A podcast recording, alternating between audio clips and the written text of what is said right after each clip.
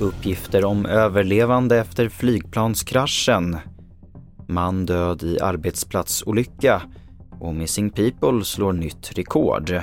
Det är rubrikerna i TV4-nyheterna som börjar i Nepal där ett flygplan med 72 människor ombord har kraschat.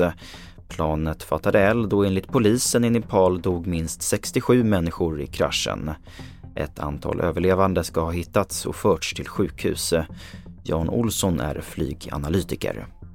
Det är det vanligaste regionalflygplanet i hela världen och används ju då också på många svåra platser. Men det är också det vanligaste inrikesplanet på mindre destinationer i Sverige, både hos SAS och hos eh, BRA. Tyvärr finns det ju just nu inte tillräckligt med uppgifter att säga vad, vad som har orsakat det här.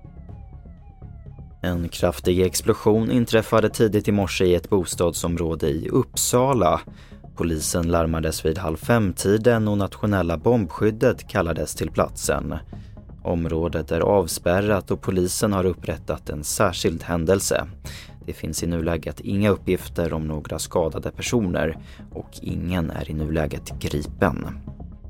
Så till att en man i 30-årsåldern har omkommit i en arbetsplatsolycka i Hässleholm.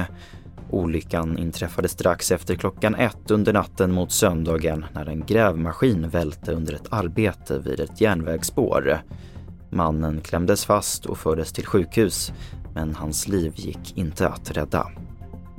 Till sist att frivilligorganisationen Missing People förra året var ute på över 115 000 insatstimmar i sökandet efter försvunna människor, vilket är ett nytt rekord. Och i norra Sverige har organisationen nu fått en avancerad värmekamera som effektiviserar sökandet. Martin Persson är insatsledare på Missing People Umeå. Den här är ju värmekamera och han känner ju av värmen i en kropp. Eh, så att, eh, därför är det för att rädda liv. Vi åker ut på akutsök. Så att vi står i standby dygnet runt om polisen ringer och säger att nu måste vi ha er hjälp, kan ni åka till det här området och söka efter den här personen som är borta. Och då får vi oftast sökområden av polisen på plats. Och det får sätta punkt för TV4-nyheterna. I studion Albert Hjalmers.